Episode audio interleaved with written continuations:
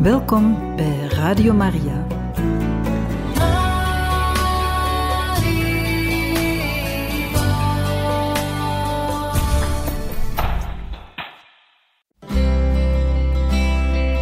Welkom bij Boekat, een programma van Radio Maria.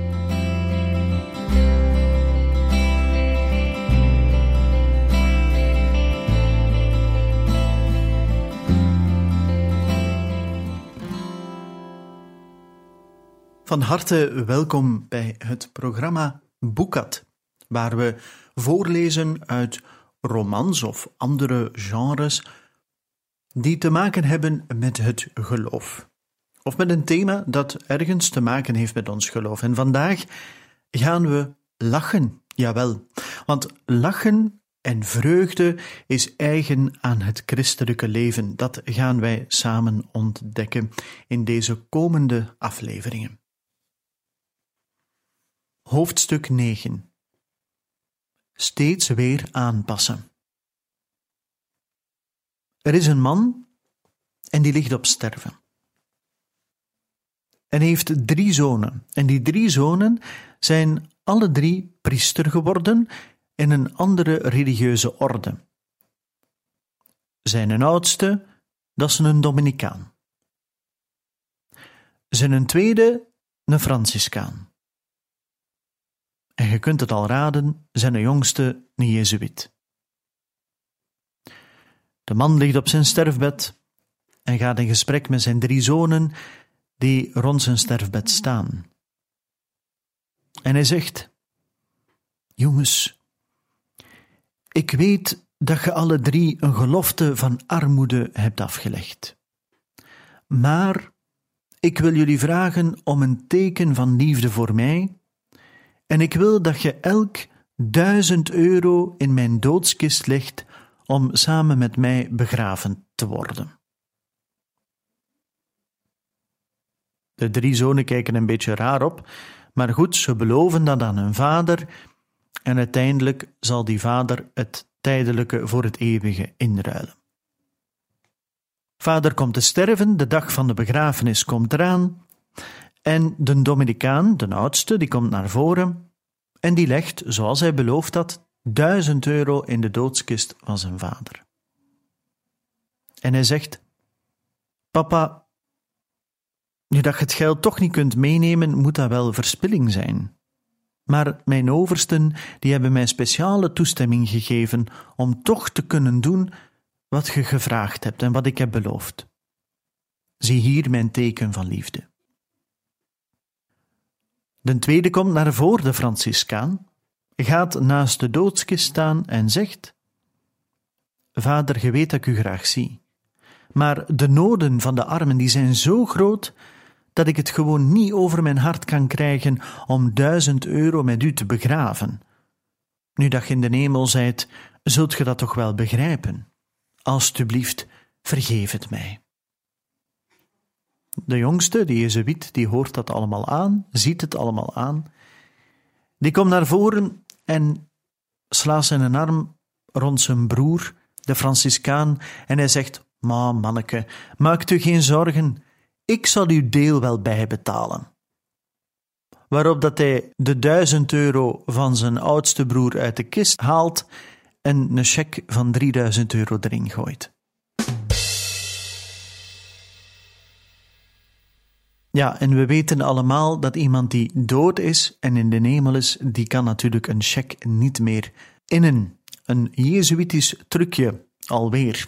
Nu, die heilige Ignatius, die kon heel strikt zijn. En vaak gaf hij als algemeen overste gedetailleerde aanwijzingen over de te volgen werkwijze in concrete dossiers.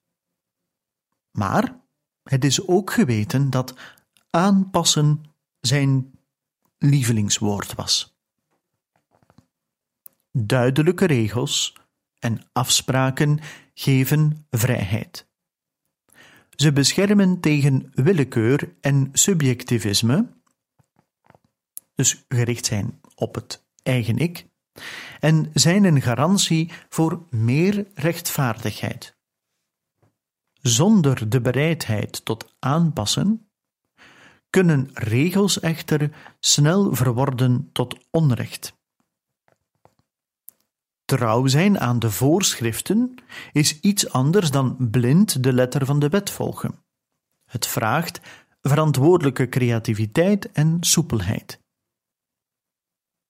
Iedereen gelijk voor de wet kan puur geweld zijn. Ook al lijken twee situaties nog zo op elkaar, toch kan het nodig zijn er een verschillende oplossing voor te bedenken. De heilige Ignatius nodigt uit om steeds aandacht te hebben voor de context waarin feiten zich voordoen. Een verschillende context kan ertoe leiden dat je verschillende antwoorden moet bedenken voor problemen die op het eerste gezicht heel gelijkaardig zijn. Daarbij sluit nauw aan wat de Jezuïten de cura personalis noemen, de aandacht en de zorg voor de concrete mens. Ouders en opvoeders weten het maar al te goed. Wat voor het ene kind heilzaam kan zijn, is soms destructief voor het andere. Onderscheidende liefde vraagt voortdurende aandacht en creatieve durf. Pater Pedro de Ribadeneira, de eerste officiële biograaf van de heilige Ignatius van Loyola, vertelt hoe de stichter van de Jezuïeten daar concreet mee omging.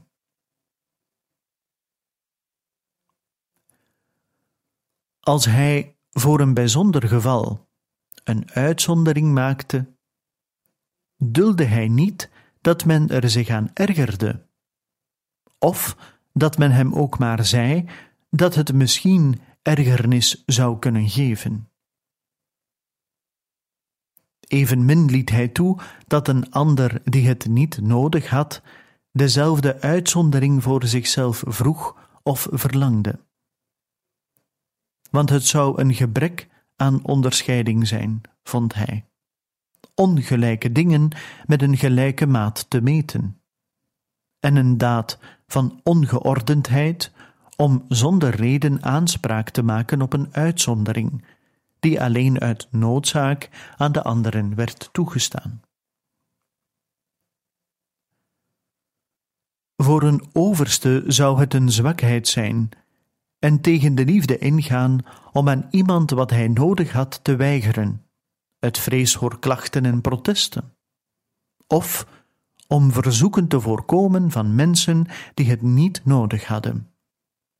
De norm in deze zaken moest niet zijn de gril en de zin van ieder afzonderlijk, maar een werkelijke behoefte, vastgesteld door de verstandige en milde liefde van de overste.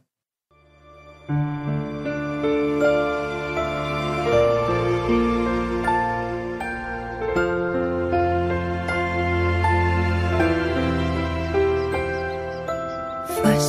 le plus grand amour, c'est de donner sa vie pour tous ceux que l'on aime et ceux.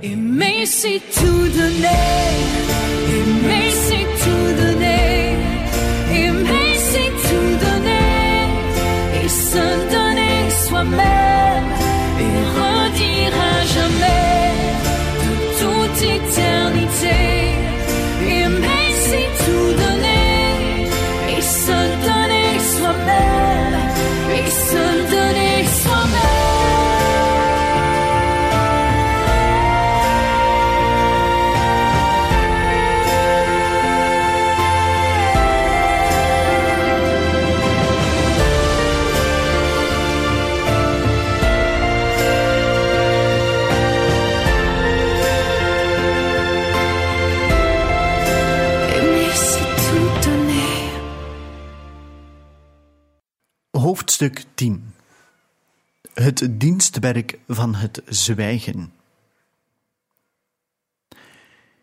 Tijdens een retraite voor priesters stelde de begeleider de aanwezige priesters voor om zich op te splitsen in groepjes van drie. Ze werden vervolgens uitgenodigd om hun donkerste geheimen, waarover ze nog nooit met wie dan ook over gesproken hadden, met elkaar te delen. Ja, na veel zuchten en blazen bekenden de Dominicaan: Ja, ik heb eigenlijk een, een drankprobleem. En hij was er zo beschaamd over dat hij dat nog nooit aan iemand had gezegd. Het deed hem zo'n deugd om het in de beslotenheid van dit kleine groepje, zei hij, een keer kwijt te kunnen. Hij voelde zich goed en bevrijd. Nu, ook de Franciscaan was een beetje aan het aarzelen. Uiteindelijk zei hij dat hij dan maar de kaart van het vertrouwen zou spelen. Want zijn probleem betrof gokken. Hij wilde steeds maar weddenschappen aangaan en hij had dat eigenlijk niet meer onder controle. Ook hij voelde diepe schaamte over die gewoonte en was dankbaar dat hij het uiteindelijk toch een keer kon zeggen, een keer kon uitspreken, ten overstaan van die andere priesters. En nu was de Jezuïet aan de beurt. Hij dankte de twee anderen om hun openheid en hun oprechtheid. En ook hij had iets in zijn leven waar hij erg beschaamd om was. Hij vocht er al jaren tegen en hij kreeg het maar niet onder controle. Het was sterker dan hemzelf. Zelfs hypnose en psychotherapie, ja, hadden geen beterschap kunnen bieden. Niets, maar dan ook niets hielp om hem af te brengen van zijn onweerstaanbare drang om te roddelen. Als je iets zegt in het geheim, spreek alsof je je richt tot de hele wereld. Dit mooie citaat van de heilige Ignatius van Loyola toont dat hij maar al te goed wist dat geheimhouding een zeldzame waar is in onze mensenwereld. En met die absolute geheimhouding, en dus het vertrouwen, staan centraal in het geestelijke gesprek of de geestelijke begeleiding. Een dienstwerk dat behoort tot de kerntaken van de Jezuïeten. Vele mensen komen bij hen om hun hart open te leggen in hun zoektocht naar meer evangelisch leven. In het bijzonder wanneer zij voor een belangrijke keuze staan of op scharniermomenten in hun leven. Veel eer dan voortdurend zelf het woord te voeren, zal de Jezuïet proberen om in deze begeleiding een ruimte te scheppen, waarbinnen de persoon zelf in vrijheid kan spreken.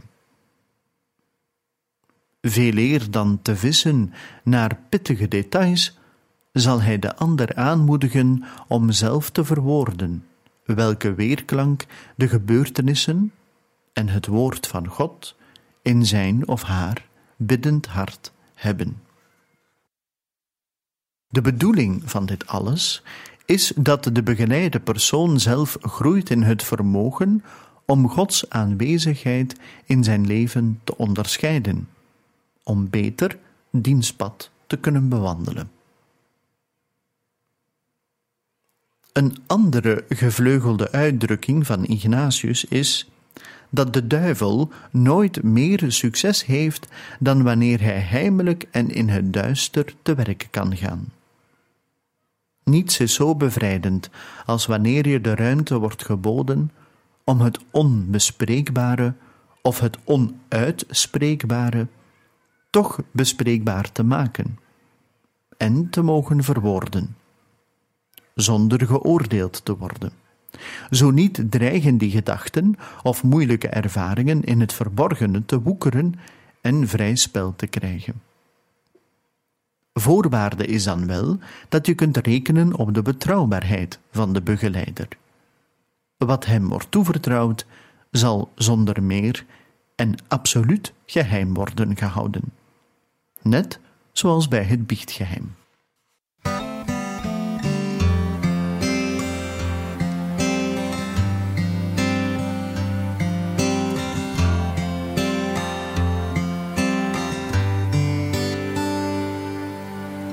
Wil graag naar de hemel.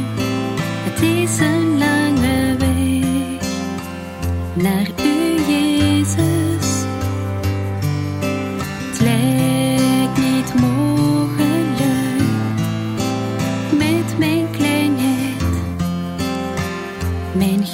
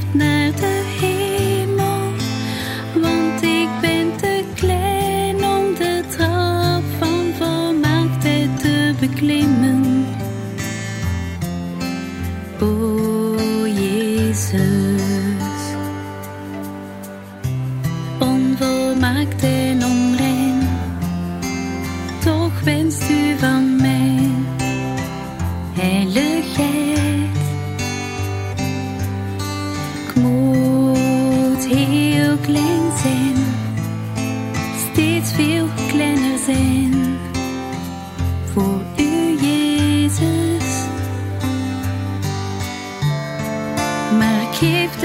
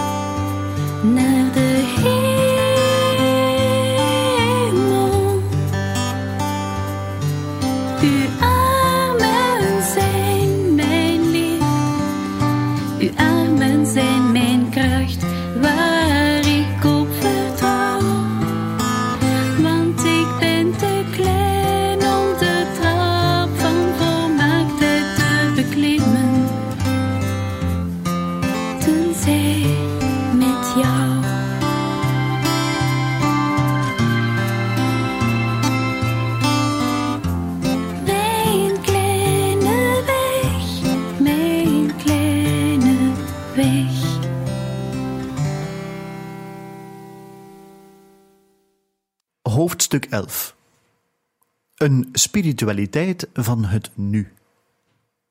En ook dit hoofdstuk begint met een grapje. Een Augustijn, een Franciscaan en een Jezuïet sterven. En ze gaan alle drie naar de hemel.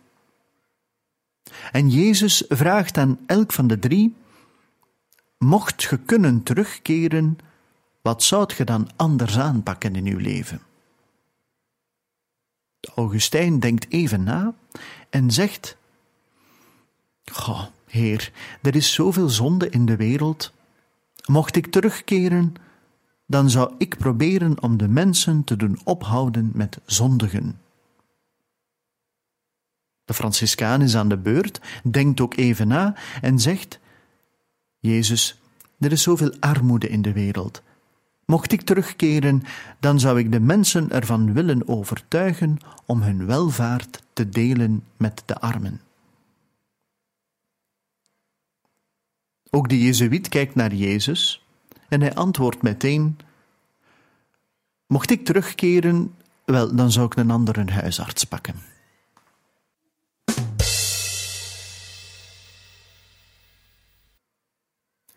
In zijn autobiografie vertelt de heilige Ignatius van Loyola dat, naar het einde van zijn leven, de gedachte aan de dood hem met diepe vreugde vervulde. Het vooruitzicht om weldra verenigd te zijn met zijn schepper en Heer deed hem smelten van tranen. Net daarom was Ignatius zo verliefd op het leven. De Ignatiaanse spiritualiteit leert God te vinden en te dienen in alle dingen en activiteiten van ons dagelijkse leven. Concreet biedt dat de mogelijkheid je huidige leven te beschouwen als de plaats waar je de volheid van het leven nu reeds kunt ervaren. Je hoeft dus niet te wachten tot na de dood om de vreugde van Gods aanwezigheid te smaken. Mensenkenner als hij was, waarschuwt Ignatius hier voor twee mogelijke valkuilen: het heimwee naar het verleden en het dromen over de toekomst. Het is zinvol om terug te blikken op de voorbije ervaring. Je kunt er de sporen van Gods aanwezigheid vinden.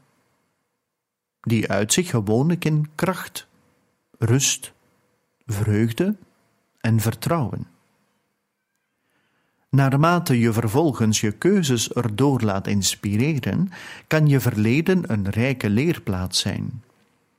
Het laat je toe om je huidige leven nauwer te doen aansluiten bij de levensweg die God zelf je aanwijst. Je kunt echter ook vastlopen in je verleden en steeds opnieuw dezelfde film voor je ogen laten afspelen. Of dat nu ingegeven wordt door nostalgie of door kwaadheid, het resultaat kan hetzelfde zijn.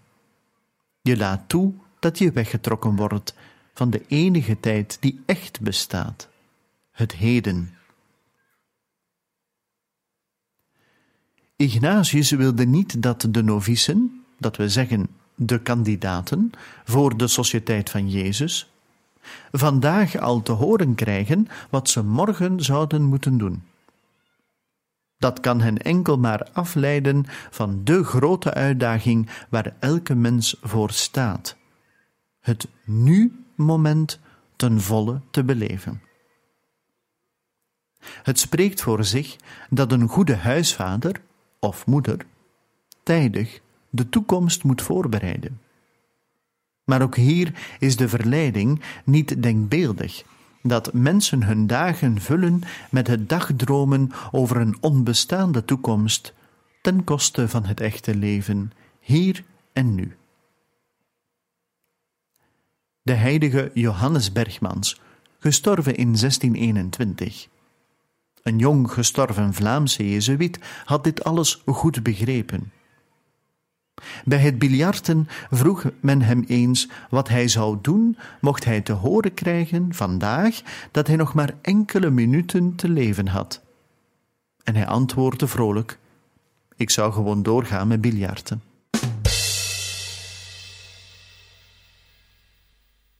Hoofdstuk 12 Vertrouwen op God en op zijn schepselen. Een Franciscaan, een Dominicaan en een Jezuïet gaan samen golfen. Het spel verloopt goed tot ze moesten wachten op een groepje golfspelers voor hen die ongelooflijk langzaam aan het spelen waren. En bovendien ook nog eens niemand liet hem voorgaan. Een beetje geërgerd en geïrriteerd gaan de drie naar de verantwoordelijke van dat groepje en vragen: wat is er aan de hand? Hij legde hen uit dat zij blinden hielpen golf te spelen. Elke blinde speelde in duo met een speler die kon zien, die hem of haar advies gaf en hielp bij elke slag. Ha, de Franciscaan was ten zeerste gesticht door de inzet van die mensen, en hij verontschuldigde zich voor zijn ongeduld. Hij nam zich voor om dit voorbeeld van dienstbaarheid op te nemen in zijn gebed en in zijn zorg voor de armen. En ook de Dominicaan was diep ontroerd door dit initiatief. Hij zei dat hij erover zou preken en dat het hem aanmoedigde om zelf ook meer te doen voor mensen in nood. En ook de Jezuïet was diep geraakt. Hij nam de verantwoordelijke even terzijde en moedigde hem aan om te volharden in zijn onderneming. Maar hij had ook een tip. Zou het niet beter zijn voor iedereen mochten jullie na zonsondergang spelen?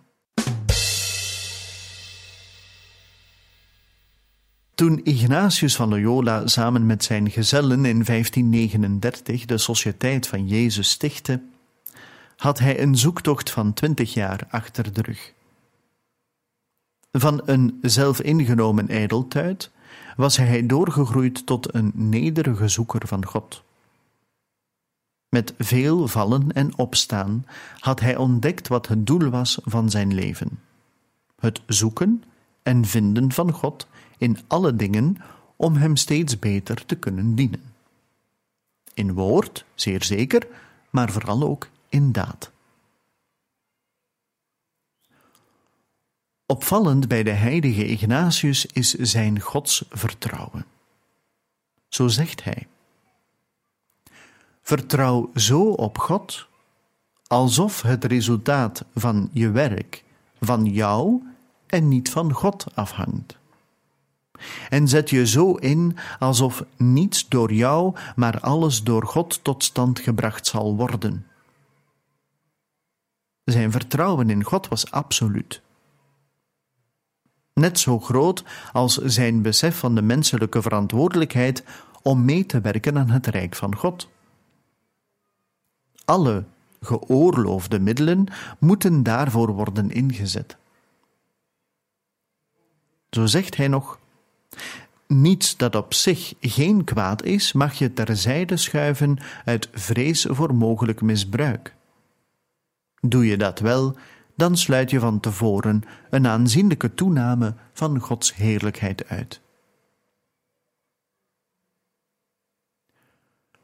Ook nieuwe, onbekende en soms verrassende wegen kunnen daarbij bewandeld worden. Zo beslisten de Jezuïeten in de 17e eeuw om in hun colleges theater te spelen. Dat terwijl in die tijd de kerk en de weldenkende mensen het theater als een decadente en onzedige bezigheid beschouwden.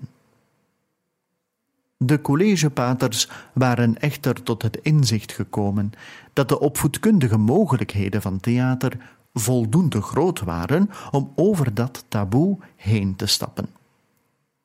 Zij aarzelden dan ook niet om dat middel aan te wenden voor de humaniora, de meerdere menswording van de hun toevertrouwde jongeren. Het belette de Jezuïeten niet om kritisch te zijn in het kiezen van de toneelstukken of, nog beter, om ze zelf te schrijven. Duidelijkheid omtrent het doel maakt creatief en vrij in de keuze van de middelen. Argumenten zoals dat hebben we nog nooit gedaan of dat hebben we altijd al zo gedaan, wegen dan ook niet zwaar als men vernieuwingen wil invoeren. Eens vroeg een medebroeder aan de oudere Ignatius: wat hij zou doen mocht de paus beslissen de Sociëteit van Jezus, zijn levenswerk, op te heffen. Ignatius had meteen zijn antwoord klaar. Ik? Ik zou een kwartier naar de kapel gaan, God bidden om nieuwe genade en met grotere vreugde aan iets anders beginnen. Zo groot waren zijn innerlijke vrijheid, zijn vertrouwen op God en zijn bereidheid om steeds nieuwe wegen te bewandelen. Een middel is en blijft maar een middel. Wanneer het onaangepast of voorbijgestreefd blijkt, ga je gewoon op zoek naar een ander en beter middel om verder te werken aan de verspreiding van het evangelie. Be my soul.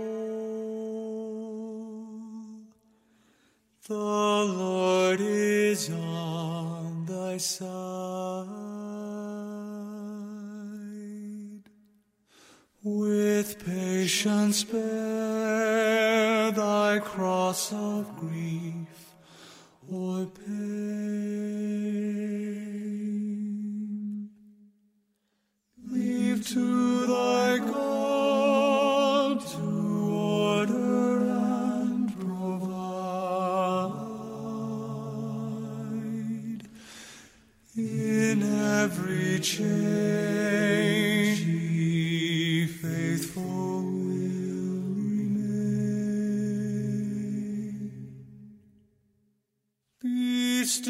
My soul,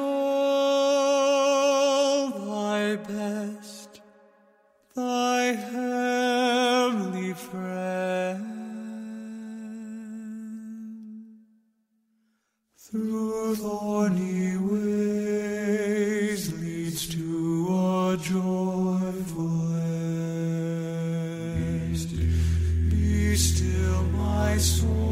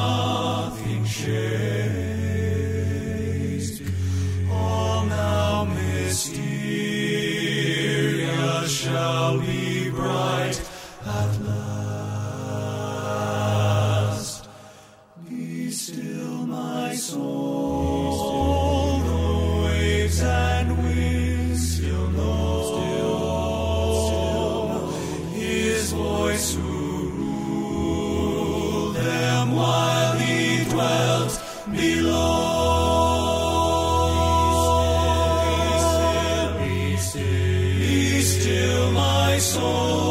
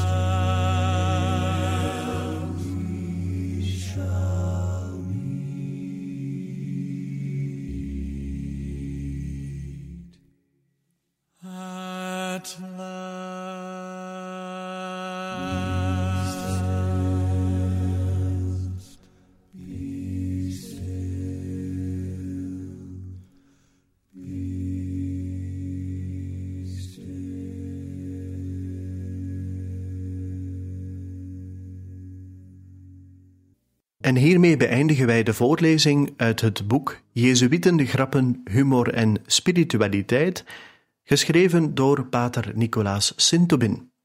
Volgende keer gaan wij verder, ontdekken we opnieuw enkele grappen en zullen we verder gaan in de geschiedenis van de Jezuïten en hun spiritualiteit. Graag tot een volgende keer.